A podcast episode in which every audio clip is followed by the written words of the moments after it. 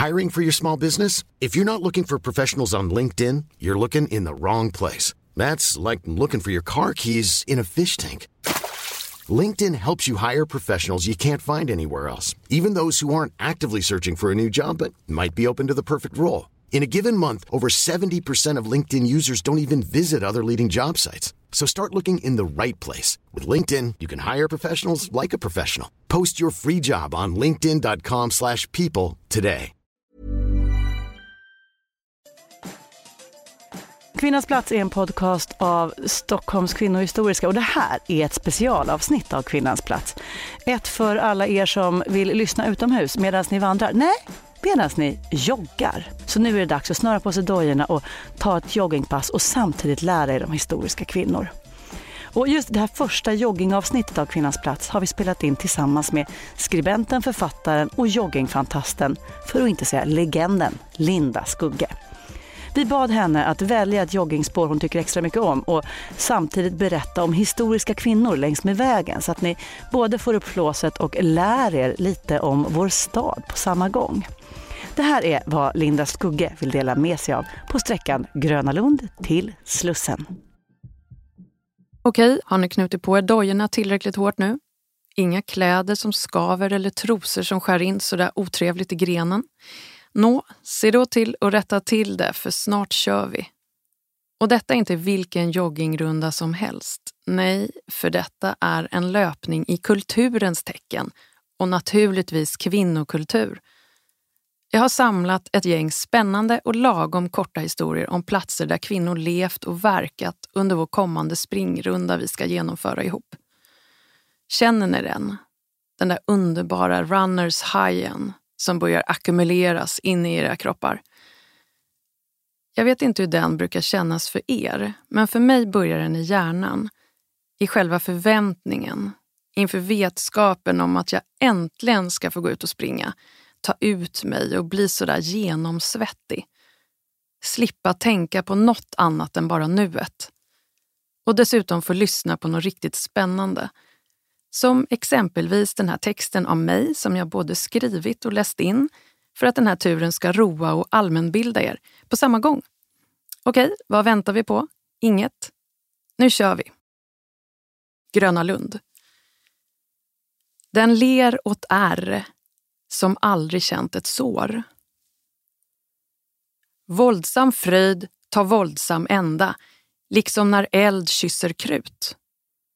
Den ljuvaste honung blir snart vidrigt söt. Därför älska måttligt. Det är mina två favoritcitat från den underbara kärlekssagan om Romeo och Julia. Visste ni att vi har en alldeles egen Romeo och Julia-historia i Sverige?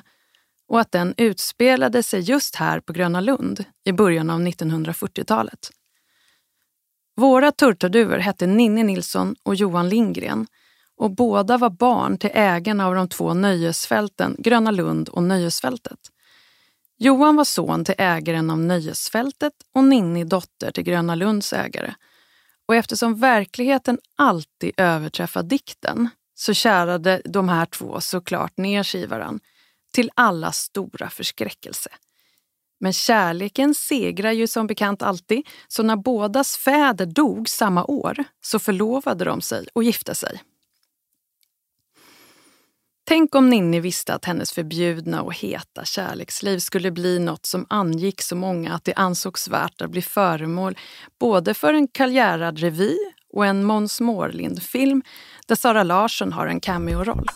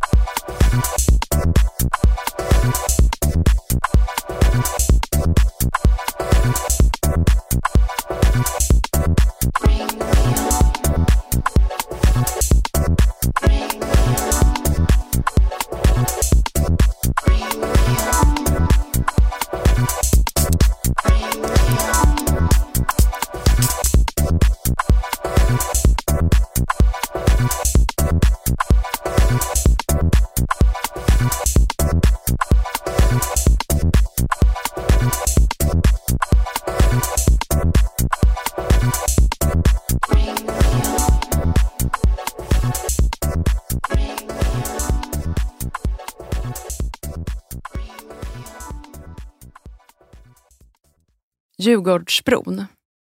Okej, låt oss raskt nu springa vidare över Djurgårdsbron. Varje gång jag joggar här passar jag på att hälsa på de coolaste gudinnorna Freja och Frigg.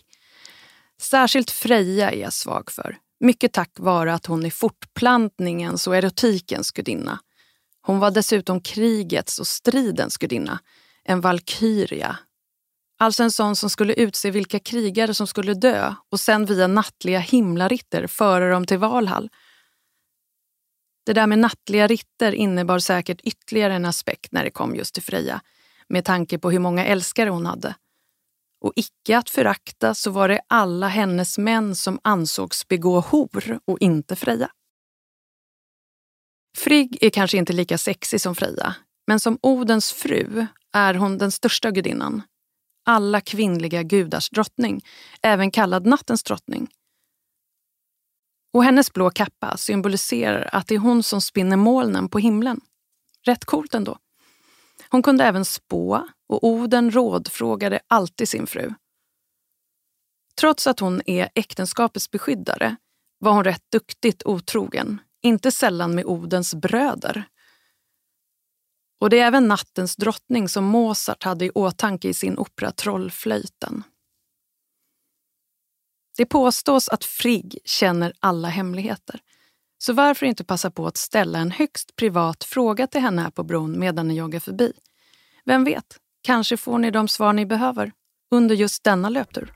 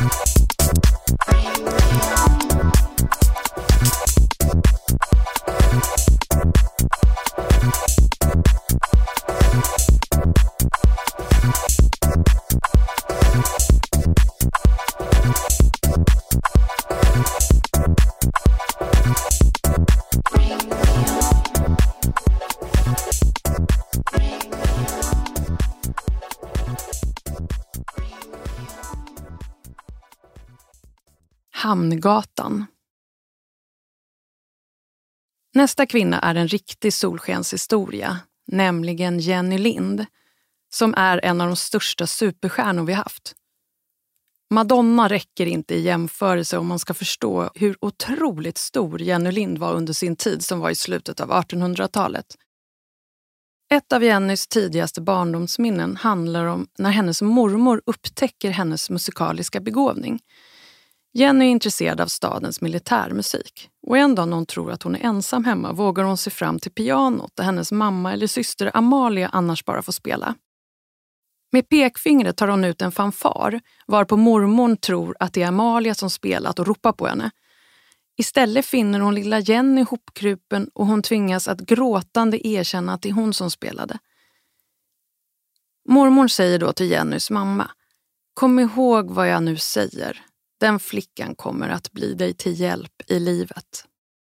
Och att Jenny Lind kommer att hjälpa sin mamma måste man nog säga är jordens största underdrift. Men innan dess blir hon bortlämnad. För mamman och systern bestämmer sig för att flytta till Linköping för att söka lyckan. Den åttaåriga Jenny hamnar hos fosterföräldrar. Hon beskrivs som en liten ful, brednosig, skygg, tafatt, alldeles i växten tillhopslagen flickunge men snart händer något som ska förändra Jennys liv för alltid. Jenny bor som fosterbarn hos föreståndaren till borgerskapets enkehus på Hamngatan. Hon sitter i det öppna fönstret och sjunger för sin katt som har ett blått band runt halsen. Gatan är livligt trafikerad. Folk hör henne sjunga och tittar upp med förundran. Bland dem en huspiga hos mamsell Lundberg som är dansös vid Kungliga Teatern. Pigan berättar för sin husmor att hon aldrig hört någon sjunga så vackert som flickan med katten. Mamsell Lundberg tar reda på vem flickan är och skickar en hälsning till Jennys mamma om att hon kan komma och få sjunga hos henne. När hon hört flickan säger hon till modern Den här flickan är ett geni. Ni måste låta henne utbilda sig för scenen. Och nu börjar Jennys mamma casha in, kanske man kan säga. Man kan inte beskylla henne för fantasilöshet i alla fall. Hennes mamma får igenom det kreativa förslaget att mot betalning hålla Jenny i pension i sitt eget hem. Och nu börjar de riktigt svåra åren för Jenny. Hon får inte kalla modern för mamma. Mamman brukar kalla henne för en gatunge, för en oäkting, tiggarunge som hon har hittat på gatan och tagit hand om. Av sin mor betraktas hon som en askunge, men av andra betraktas hon redan som ett underbarn. Men det är inte otryggheten eller den materiella knapphändigheten som plågar Jenny. Nej, utan bristen på föräldrakärlek. Jenny har dessutom ärvt mammans häftiga humör och grälen går i ett. Men på teatern går det bra. Jenny debuterar tio år gammal i en pjäs som heter Den polska gruvan och sen rullar det på. Jenny blir en uppskattad barnskådis. Och trots att staden är svårt drabbad både av den fruktade pesten och asiaten har Jenny mycket större problem än så. Grälen hemma avlöser varann och den tillåtna husagan övergår allt oftare i ren misshandel. Det Jenny lär sig hemma hos sin mamma är två saker. Att svälta och att ljuga. Men nu har den 14-åriga Jenny fått nog och hon har en plan. Hon rymmer hemifrån. Och resten är historia.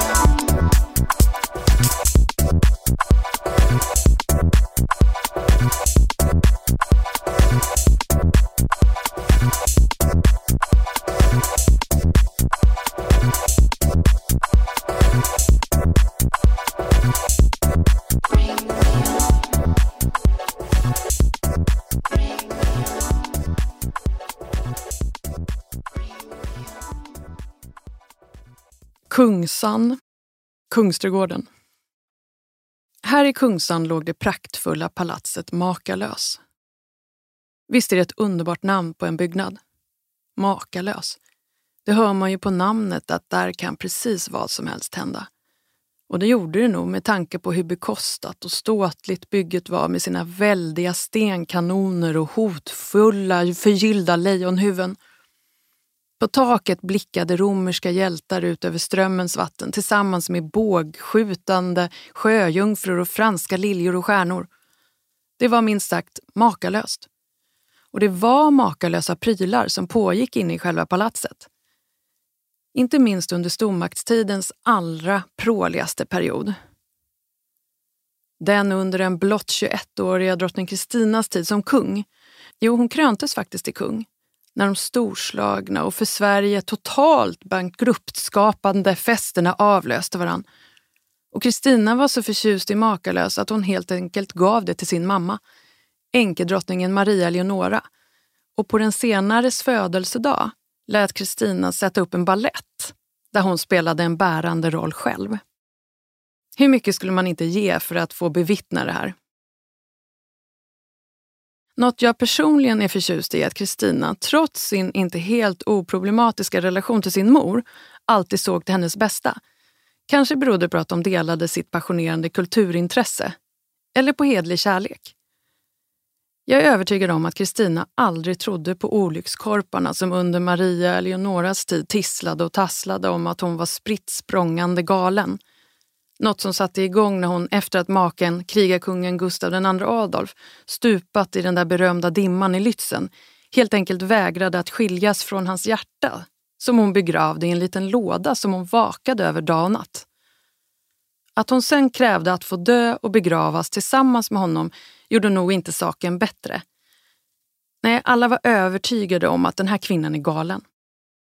Tyvärr brann palatset ner 1826 så vi kan inte längre njuta av dess prakt annat än att titta på de pelare och annat som finns bevarade och står utplacerade på olika platser i huvudstaden.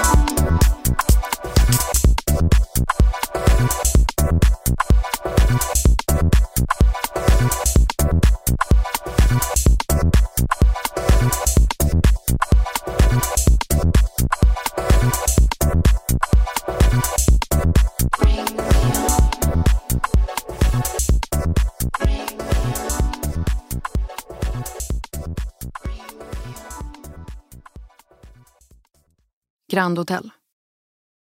Den 23 september 1885 ägde något som ännu anses vara en av landets mest beryktade olyckor rum. Det skedde just här utanför Grand Hotel. Kristina Nilsson var en av 1800-talets mest kända operasångerskor och var nästan lika känd som dåtidens megastar Jenny Lind. Under ett sällsynt tillfälle då hon var hemma från en utlandsturné skulle hon uppträda inför en stor skara fans och det ryktades att hon skulle komma ut och sjunga från sin hotellbalkong. Nästan 20 000 personer hade samlats. Då kan ni få ett hum om hur stor hon var. Hon drog av ett par nummer och avslutade med Värmlandsvisan. Men hennes uppmaning till fansen att gå hem och lägga sig hörsammades inte, utan tumult uppstod. Upp till 20 personer avled och hela 70 påstods ha skadats svårt. Kristina Nilsson tog av förklarliga skäl mycket illa vid sig av det inträffade och försökte med egna pengar hjälpa offrens familjer. Men ryktet som gör sig gällande att denna händelse skulle ha varit orsaken till att hon la sången på hyllan stämmer inte utan det skedde flera år senare.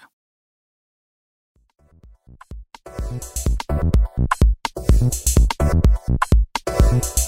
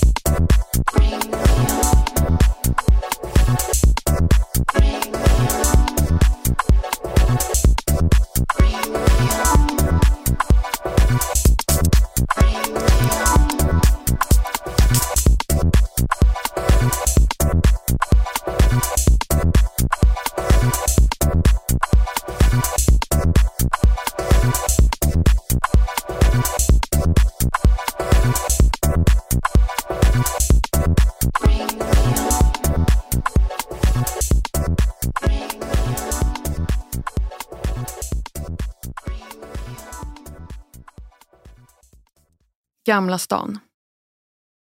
Stockholm den 7 maj 1697. Enkedrottning Hedvig Eleonora ligger i sin säng på slottet Tre Kronor. Brandröken sticker i ögonen. Människor ropar på hjälp och försöker rädda det som räddas kan genom att kasta ut möbler och böcker genom de sönderslagna fönstren. Hedvig Eleonora har inte bara förlorat sin man, utan nu även sin älskade son och hans hustru. Nu får det räcka. Hon vill inte leva längre. Branden kan lika gärna ta henne. Hon nickar till.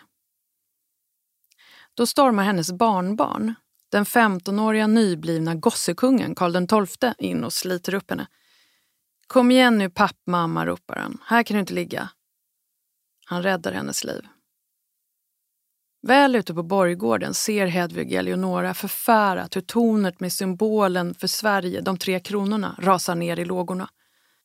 Kung Karl den XI Gustav står lik.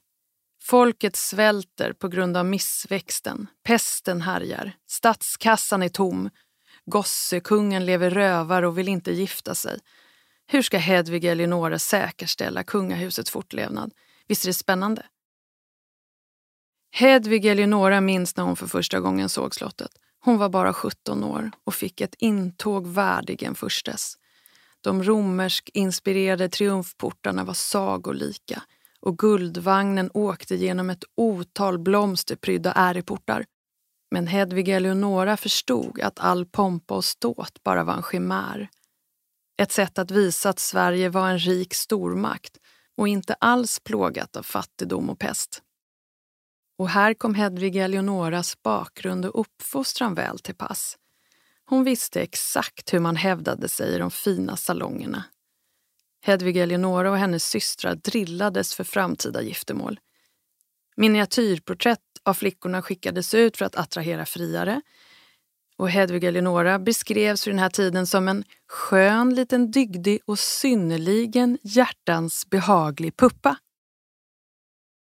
Något den lilla prinsessan inte visste är att i Sverige fanns en man med samma kulturella ideal som hon. Stormaktssveriges kung Karl den tionde Gustav fick se porträtten. Det var lite som den tidens Tinder av Fredriks döttrar. Hans kusin, drottning Kristina, hade rekommenderat honom att gifta sig med någon av systrarna. Karl X Gustav tyckte att den yngsta Hedvig Eleonora var söt, men hon var redan tingad till en hertig. Men eftersom ett bud från en kung var bättre så omförhandlade hennes föräldrar det här snabbt. Äktenskapet mellan Karl X Gustav och Hedvig Eleonora var en markering mot Danmark, som var en gemensam fiende. Sveriges mål var att behärska hela Östersjön. Ett år efter bröllopet med Karl X Gustav uppfyllde Hedvig Eleonora sin viktigaste plikt. På slottet i novemberkylan födde hon en son och säkrade kungadömets fortlevnad. Var tredje barn vid den här tiden blev aldrig vuxet och den lille prinsen Karl XI ansågs klen och sjuklig. Hedvig Eleonora ägnade sin son ovanligt mycket tid och omsorg. Så pass att omgivningen bekymrade sig för om det kunde ha en förklenande inverkan. Det hela blev inte bättre av att sonen tycktes sakna läshuvud.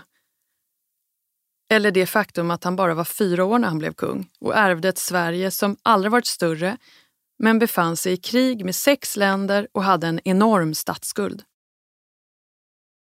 Hedvig Eleonora visste att ansvaret vilade tungt på hennes sons späda axlar. Maken till curlingmamma fick man nog leta efter. Men hennes son Karl XI skulle upp på silvertronen, till vilket pris som helst. Genom att alltid synas men inte höras för att inte störa riksråden som inte ville ha kjolstyg i maktens rum lotsade hon med stadig hand sin son. Men något som hon kanske inte är lika känd för är att det faktiskt var hon som senare var den som lyckades se till så att hennes sonson Karl XII blev nykter och för alltid la spriten på hyllan. Och det gör henne till min absoluta favoritdrottning. Millions of people have lost weight with personalized plans from Noom. Like Evan, who can't stand salads and still lost 50 pounds. Salads generally for most people are the easy button, right? For me, that wasn't an option. I never really was a salad guy. That's just not who I am. But Noom worked for me. Get your personalized plan today at Noom.com. Real Noom user compensated to provide their story. In four weeks, the typical Noom user can expect to lose one to two pounds per week. Individual results may vary. Hiring for your small business? If you're not looking for professionals on LinkedIn, you're looking in the wrong place. That's like looking for your car keys in a fish tank. LinkedIn helps you hire professionals you can't find anywhere else, even those who aren't actively searching for a new job but might be open to the perfect role. In a given month, over 70% of LinkedIn users don't even visit other leading job sites. So start looking in the right place. With LinkedIn, you can hire professionals like a professional. Post your free job on linkedin.com slash people today. Och det här var specialavsnittet om kvinnans plats, vår stadsjogging med Linda Skugge. Stort tack till dig Linda för att du delade med dig av tankar och funderingar om historiska kvinnor längs med vägen från Gröna Lund till Slussen. Det här är en podd från Stockholms kvinnohistoriska och vill ni stötta oss och vårt arbete så kan ni hitta mer information om hur man gör det på kvinnohistoriska.se. Kvinnor syns, hörs och verkar som aldrig förr. Men vad kommer framtiden att minnas av allt det som kvinnor gjort? Det är ju så att kvinnor fortsätter att saknas i den breda historieskrivningen och om vi inte gemensamt gör något så kan det se precis lika illa ut om hundra år. Då kanske framtiden kommer fråga sig, har kvinnor ens funnits? Och det här är vad vi på Stockholms kvinnohistoriska vill ta oss an med vår satsning Arkivism. Det är som en aktivism som tar sig an arkiven för att hitta, lyfta och synliggöra gårdagens kvinnor och se till att dagens kvinnor, kvinnorna idag, du, jag, de kvinnorörelser som verkar idag, förs in i arkiven för framtiden. Det här är verkligen det vi behöver göra för att ändra historieskrivningen i framtiden. Läs mer om det på arkivism på kvinnohistoriska.se.